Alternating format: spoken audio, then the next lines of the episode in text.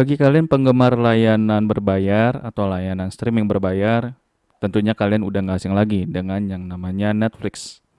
Yap, ini adalah salah satu layanan berbayar yang bisa dibilang cukup oke dan kalau menurut gue sendiri ini masih affordable. Sayangnya Netflix lagi menghadapi masa-masa yang bisa dibilang cukup sulit dan ini bukan cuma perkara soal dia kehilangan 2000 atau 200 ribu subscriber di Rusia, tapi masih banyak hal-hal yang sebenarnya mungkin kalian nggak tahu. Di monolog penikmat layar kaca ini, kita bakal ngebahas Netflix. Dulu berjaya, sekarang merana.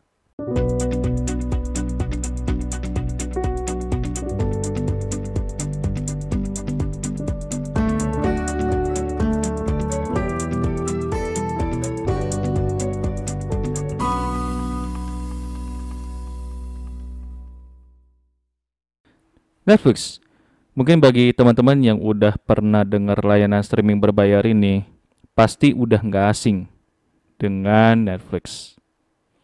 Yap, kalau kalian ingat mengenai karya-karya yang cukup terkenal, kayak Money Heist, Crash Landing on You, Itaewon Class, terus juga ada lagi karya-karya yang bisa dibilang ada dari Jepang, ada juga dari Indonesia, kayak Guru-Guru Gokil, dan juga animenya kayak Great Pretender terus juga Violet Evergarden dan bahkan Evangelion yang di tahun 95 itu itu sempat dijadiin sebagai original Netflix series atau original series Netflix. Ini adalah uh, bisa dibilang pencapaian yang cukup fantastis ya bagi Netflix untuk mendapatkan uh, bisa dibilang hak tayangan yang belum tentu semua streaming itu bisa dapat. Apalagi kalau kalian lihat ya, di tahun 2020-2021 di mana perekonomian lagi lesu, terus juga ada beberapa layanan TV kabel dan layanan streaming harus cabut. Contohnya, Netflix harus menutup layanan di Indonesia di akhir 2020 atau di awal 2021. Terus juga Disney yang sebenarnya dia punya Disney Channel itu juga harus tutup. Nah ini yang sebenarnya ngebuat seharusnya layanan streaming dan juga layanan kabel TV ini punya masalah di bagian pengeluaran dan mau nggak mau harus tutup bisnisnya. Tapi Netflix tiba-tiba dia langsung mendapatkan eskalasi yang cukup positif dan masih bisa meraup pelanggan sekitar 20 juta di tahun 2020 hingga 2021. Gila nggak tuh? Coba kalian pikir, di mana di tahun 2020 itu mereka cuma ada 203 juta pelanggan, tiba-tiba menjadi 221 juta pelanggan. Selain itu, untuk pendapatannya, mereka mencapai rekor di atas 365 triliun rupiah di akhir 2020. Wah itu gila sih, itu keren. Untuk sebuah perusahaan yang sebenarnya dia harus uh, kuat ya di masa-masa pandemi, tapi ini udah kelewatan kuat. Tapi ada masalah yang sebenarnya menghantui si Netflix kalau kita lihat dari laporan tahunan Netflix ini, dia mencatat adanya penurunan pelanggan dari 13,7 persen atau 13,6 persen itu cuma menjadi 6,7 persen dalam setahun. Nggak percaya? Coba kalian cek di laporan Netflix dan di situ ada pertumbuhan pelanggan baru yang di mana ini menandakan bahwa Netflix ini lagi ada di titik lemah. Meskipun bukan yang titik terlemah ya, tapi sebenarnya Netflix ini lagi ada di titik lemah. Dan kalau kita lihat lagi, ini masih banyak banget sebenarnya layanan streaming yang lagi mendapatkan pelanggan baru. Contohnya Amazon Prime, Disney Plus, dan juga beberapa layanan streaming yang bisa dibilang memang dia segmental ya, jadi bukan untuk layanan streaming semuanya. Tapi di sini bisa dibilang Netflix dia mendapatkan masalah. Sebagai gambaran ya, di tahun 2021 Nielsen telah mengeluarkan data bahwa untuk pertumbuhan si Disney sendiri itu sekitar 360% lebih. Sedangkan Netflix itu cuma dapat 109%. Jadi kalian bayangin di mana Disney Plus ini sebenarnya dikeluarin di tahun 2018 ya, atau uh, 2020 itu dia udah bisa dapat ngeraup 50 juta pelanggan lebih. Sedangkan untuk Netflix dia untuk mendapetin pelanggan sekitar 20 juta dari tahun 2020 ke 2021 itu udah bagus banget di masa pandemi.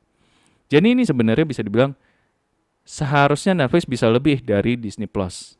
Tapi apa yang membuat akhirnya uh, Netflix gargor kepala? Pertama, itu dari sisi gagal bayar. Nah ini yang sebenarnya berita ini banyak luputnya karena di Amerika Selatan itu ada spekulasi bahwa banyak orang-orang yang mau nggak mau mereka harus bertahan hidup dibandingin mereka bayar layanan hiburan. Nah dari situlah akhirnya Netflix menyadari bahwa mereka sebenarnya mengalami penurunan pendapatan atau uh, mengalami penurunan langganan yang di mana ya mau nggak mau mereka harus mencari ke benua-benua lain seperti Eropa, Asia dan juga Oseania. Dan di sini ya akhirnya uh, Netflix lagi-lagi mendapatkan sebuah masalah untuk masalah pertumbuhan pelanggannya sendiri. Terus yang kedua, kita juga lihat di mana konten dari Netflix ini bisa dibilang beragam ya. Tapi ada satu hal yang menurut gue ini cukup menjadi perhatian dan ini tentunya punya potensi yang uh, cukup riskan ya. Di mana salah satu konten dari Netflix yang bisa dibilang sebagai original seriesnya itu harus diambil oleh Disney dan dimasukkan ke dalam Disney Plus. Kalau kalian tahu konten Marvel Comics, nah ini yang bakal nanti ditayangin di Disney Plus. Apakah ini bakal ditayangin di Netflix? Mungkin iya, tapi setelah eksklusif dari si Disney itu udah kadaluarsa dan akhirnya Netflix bisa mendapatkan hak penayangan si konten Marvel tersebut. Ini sama ceritanya dengan Violet Evergarden yang sebelumnya itu Netflix mendapatkan hak untuk dijadikan sebagai original series yang di mana untuk filmnya ini Netflix itu cuma kebagian ya udah lu cuma ngedapatin hak siar aja tapi nggak dijadiin sebagai original series. Nah ini yang uh, dua contoh ini sebenarnya kita bisa lihat bahwa Netflix ini sekarang jadi lebih hati-hati ya untuk menaruh konten mereka itu sebagai original series. Ada lagi permasalahan yang sebenarnya bisa dibilang ini cukup berbahaya untuk Netflix ini. Yakni soal engagement. Di mana Netflix ini bisa dibilang mereka lagi kurang engagementnya untuk menarik pelanggan baru. Gak percaya? Coba kalian lihat layanan internet kayak Telkomsel atau mungkin IndiHome yang di mana di paket datanya itu udah dimasukkan beberapa gigabyte untuk menonton Disney Plus. Memang harus ada langganannya dan kita harus registrasi. Tapi setahu gue itu registrasinya itu enggak dipungut biaya. Kalaupun dipungut biaya itu masih murah. Sedangkan di Netflix ini dia ada wacana untuk menambah iklan meskipun kita udah bayar. Nah ini yang uh, menurut gue apa ada apa nih dengan Netflix ini? Ini Netflix kayaknya lagi bercanda nih. Tapi kita kan nggak tahu apakah ini memang beneran atau ya itu cuma sekedar wacana aja gitu. Jadi ini yang menjadi masalah serius bagi Netflix yang di mana mereka ya harus berpikir lagi untuk mendapatkan minimal pelanggan tetap dan kalau bisa mereka melakukan eskalasi untuk mendapatkan pelanggan baru. Nah, sebenarnya apa sih yang bisa dilakukan oleh Netflix ini?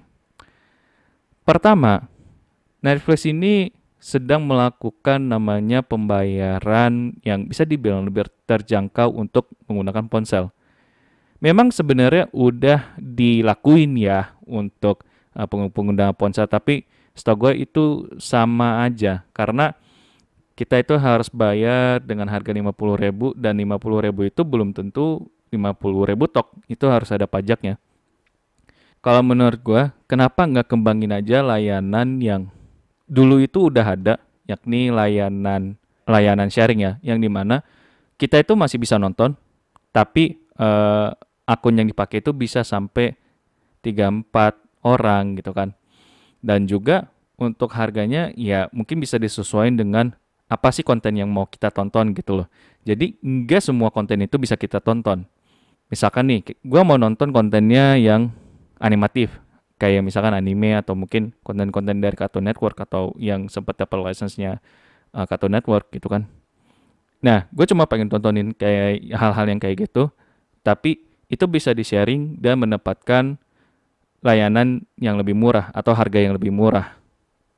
Misalkan ya sekitaran 90 ribu, 100 ribu untuk 4 orang, menurut gue itu masih worth it. Atau misalkan nih gue pengen uh, kayak drama, terus juga gue pengen anime dan juga ada misalkan science fiction. Nah ini ini bisa di customize oleh pelanggan baru atau mungkin pelanggan tetap yang di mana mereka ingin menikmati tayangan dari Netflix itu sendiri. Terus yang kedua, menurut gue untuk engagementnya itu nggak usah sebanter kayak Disney Plus. Karena kalau Disney Plus kan emang dia udah lumayan lama banget ya sama uh, pemerintah juga. Dan juga Amazon Prime memang udah jenius banget karena mereka langsung deket sama Twitch. Jadi ya you know what I mean.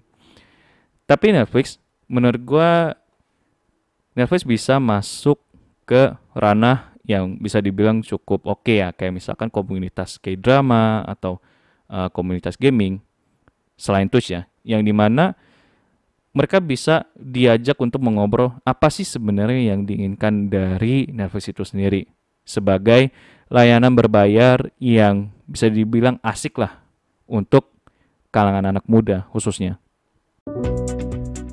Terima kasih untuk mendengarkan podcast penikmat layar kaca ini.